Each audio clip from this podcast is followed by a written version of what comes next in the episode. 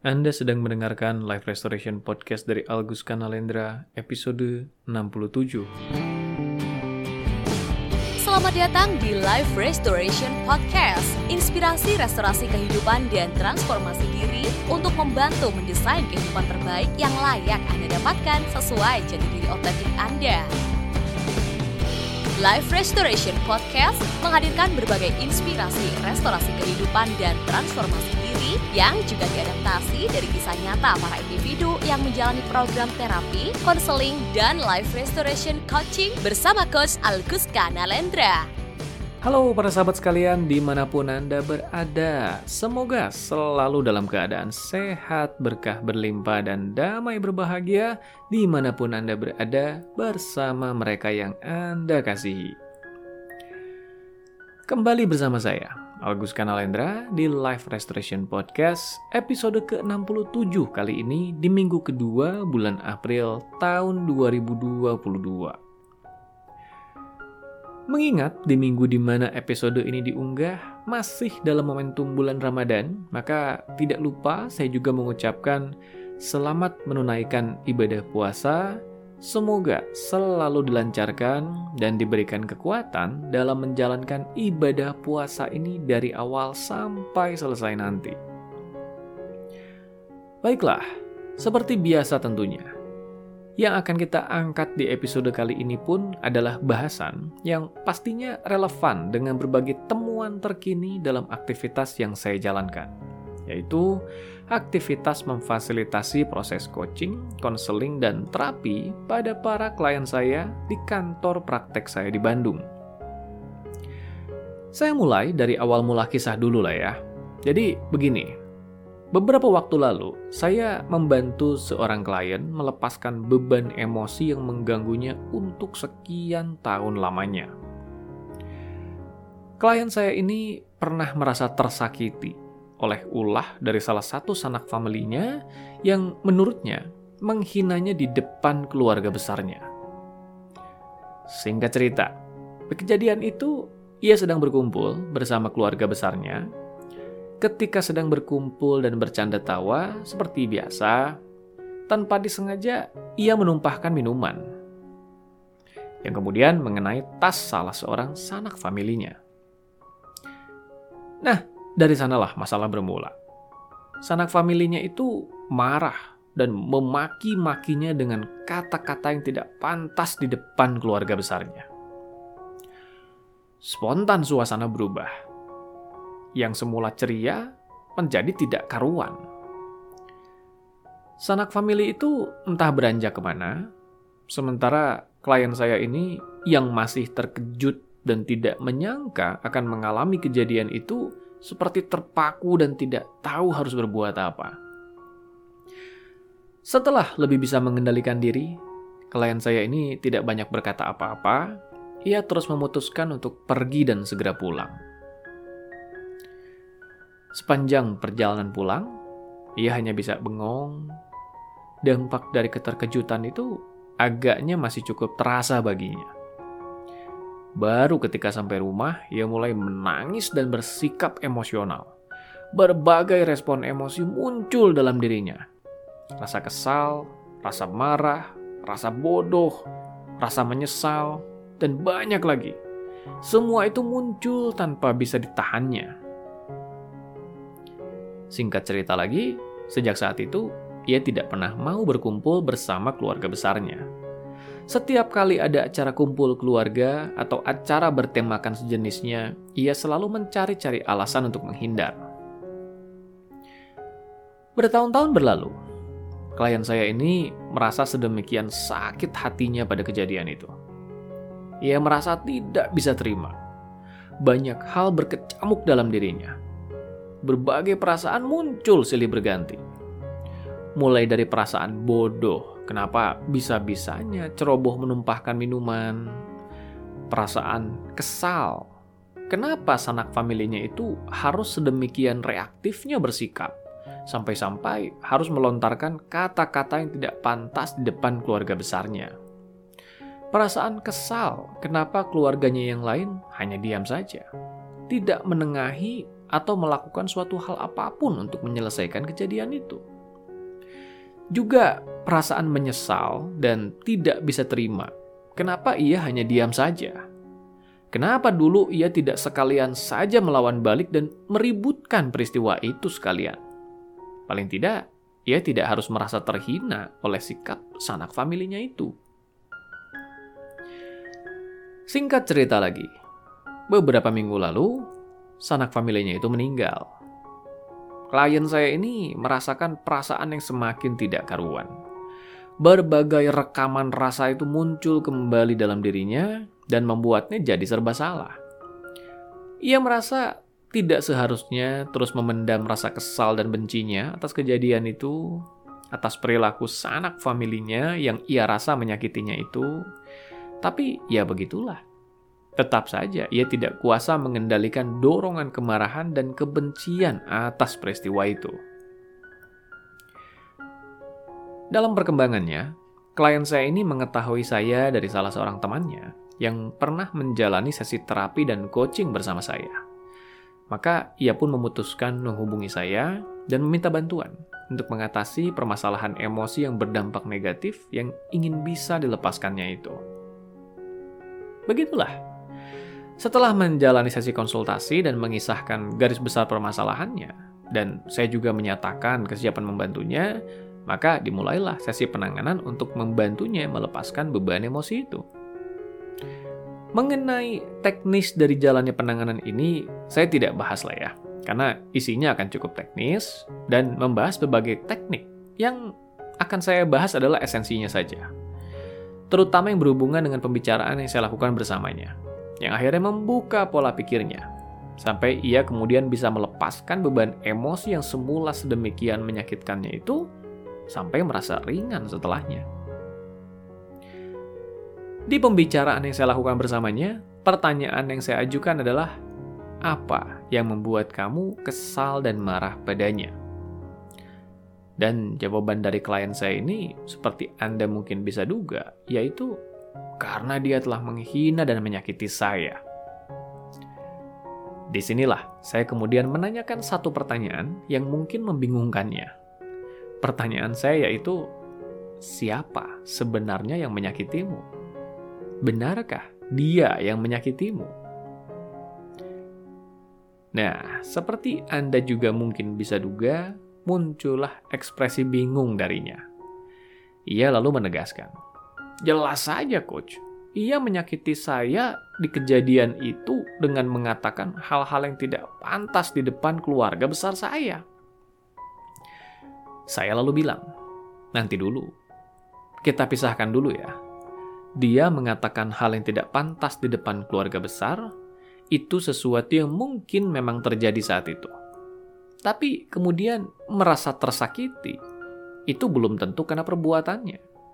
Bisa jadi rasa sakit itu muncul dari dirimu sendiri. Makin bingunglah ekspresinya. Saya tidak langsung menjelaskan, tapi lanjut bertanya pada klien saya ini.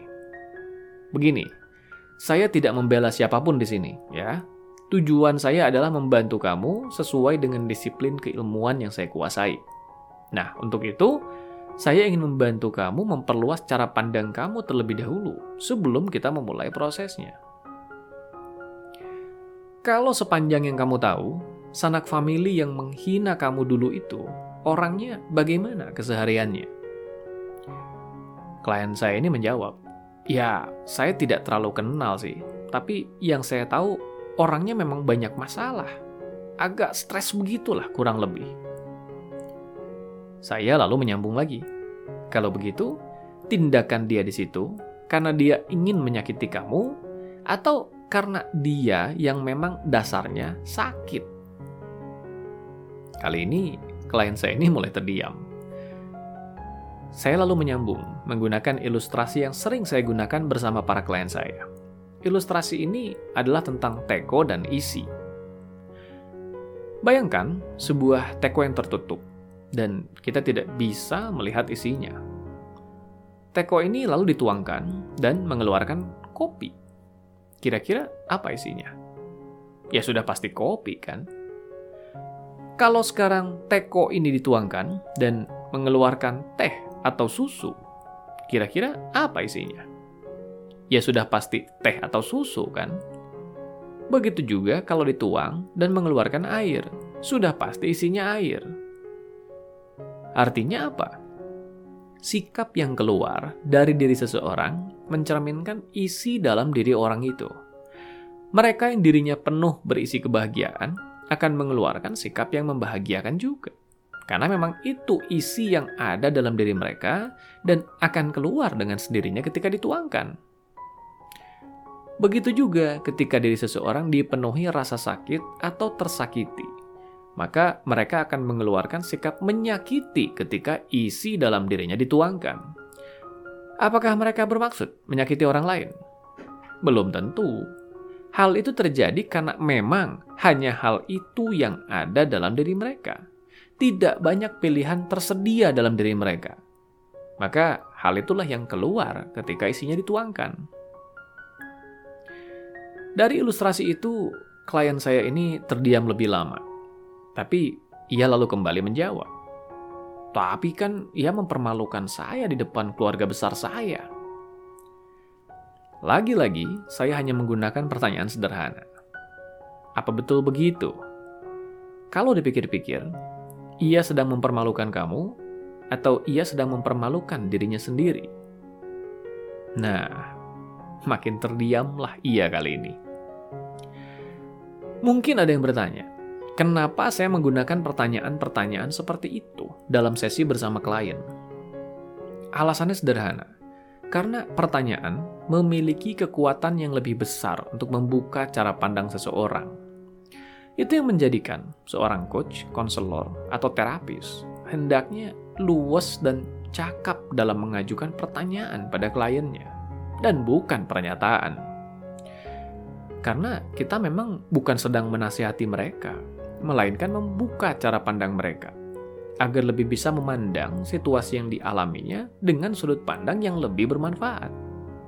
Ketika kita memberikan pernyataan, maka pernyataan itu akan langsung beresonansi dengan cara pandangnya saat itu. Bukan tidak mungkin muncul perdebatan sebagai respon atas pernyataan itu nantinya. Tapi lain dengan pertanyaan. Ia justru memancing rasa penasaran dalam diri pendengarnya untuk menemukan jawabannya. Di momen ia sedang mencari-cari jawaban ini, maka ia memasuki mode bertanya-tanya dalam dirinya dan bahkan memasuki mode berdebat dengan dirinya sendiri untuk bisa mengeluarkan jawaban yang paling menjawab pertanyaan itu. Momen ketika ia sedang masuk ke dalam dirinya itulah yang membantunya untuk bisa memperluas cara pandangnya dengan lebih efektif. Begitu juga dengan klien saya tadi. Pertanyaan-pertanyaan itu memang sengaja ditujukan untuk menstimulus dirinya agar bisa mengadaptasi cara pandang lain yang lebih membawa manfaat baginya agar lebih bisa melepaskan beban emosinya dengan lebih efektif nanti. Setelah memberinya berbagai pertanyaan yang ditujukan untuk membantunya mengubah cara pandangnya itulah, saya lalu merangkumnya menjadi kalimat yang lebih menegaskan, yaitu, Oke, jadi begini. Pertanyaan saya tadi adalah, siapa yang sebenarnya menyakitimu? Apakah sanak familimu itu memang bermaksud menyakitimu atau karena memang ia adalah pribadi yang sakit, yang sedang mengeluarkan rasa sakitnya. Berikutnya, kamu merasa ia mempermalukanmu di depan keluarga besarmu. Lagi-lagi, apakah ia sedang mempermalukan kamu atau dirinya sendiri? Apa menurut kamu tanggapan keluarga besar kamu melihat perilaku yang tidak pantas seperti itu? Saya sambung lagi. Artinya, yang selama ini menyakiti kamu bukan dirinya, dan bukan perilakunya. Tapi kamu sendiri yang menyakiti dirimu sendiri. Pertama, yaitu dengan memaknai atau memandang semua itu dengan sudut pandang yang dengan sendirinya membuat kamu merasa tersakiti, karena semua sudut pandang itu membentuk skenario seperti itu. Yang lebih penting lagi adalah katakanlah ia memang benar-benar menyakiti kamu dengan tindakan yang tidak pantas tadi. Jangan lupakan bahwa kejadiannya memang benar-benar terjadi tapi kejadian itu terjadi satu kali. Saat itu. Setelahnya kejadian itu sudah berlalu. Tapi kamulah yang mengulang-ulang kejadian itu berkali-kali dalam benak kamu dengan sudut pandang yang menyakitkan tadi. Jadi, siapa sebenarnya yang menyakitimu? Kali ini klien saya mulai tersadarkan dan tercerahkan. Ia mulai menyadari bahwa selama ini bukan perilaku sanak familinya itu yang menyakitinya, melainkan dirinya sendiri. Ialah yang menyakiti dirinya sendiri dengan sudut pandang yang menyakitkan yang dilekatkannya pada kejadian itu. Dan ia juga yang mengulang-ulangnya berkali-kali dalam pemikirannya sendiri. Kali ini, tanggung jawab atas keberadaan emosi itu sudah menjadi miliknya sepenuhnya. Maka dari sinilah proses pelepasan emosi yang dilakukan dengan teknik lanjutan kemudian berjalan dengan lebih mudah dan lancar. Demikian kisah sederhana yang saya angkat kali ini. Mari fokus pada pembelajaran pentingnya. Bahwa ketika kita merasa tersakiti oleh ulah atau perilaku seseorang, hendaknya kita merenungkan siapa sebenarnya yang menyakiti kita. Pada akhirnya, akan kita sadari bahwa yang menyakiti atau membuat diri kita tersakiti sebenarnya adalah diri kita sendiri dan bukan orang lain atau peristiwa di luar diri kita. Kenapa demikian? Mari kita sadari bahwa Tuhan memberikan satu hal yang membuat manusia berbeda dengan makhluk lainnya, yaitu akal. Sebuah ruang untuk memilih dan berkehendak. Kita tidak bisa mengatur kejadian di luar diri kita, tapi mari sadari bahwa kita selalu punya pilihan untuk bisa memandang kejadian itu dari sudut pandang yang lebih membawa manfaat. Seperti klien saya tadi contohnya. Ketika ia memandang bahwa perilaku sanak familinya menyakitinya, maka ia sedang menggantungkan dirinya pada peristiwa di luar dirinya. Yang menyakitinya adalah sesuatu di luar dirinya. Maka tidak banyak yang bisa ia lakukan dengan peristiwa itu. Apalagi peristiwa itu sudah lama berlalu tapi lain ketika ia bisa memandang bahwa bukan perilaku sanak familinya yang sebenarnya menyakitinya, melainkan ia sendiri yang menyakiti dirinya sendiri dengan memandang kejadian itu dengan sudut pandang yang memaknai itu sebagai kejadian yang menyakitkannya. Ketika ia bisa melakukan ini, maka sekarang ia tidak lagi menggantungkan dirinya pada kejadian di luar dirinya. Karena penyebab dari rasa sakitnya adalah sikapnya sendiri. Maka ia lebih memiliki kendali kali ini untuk bisa mengubah sikapnya sendiri. Ia tidak bisa mengubah sikap orang lain, tapi ia bisa mengubah sikapnya sendiri.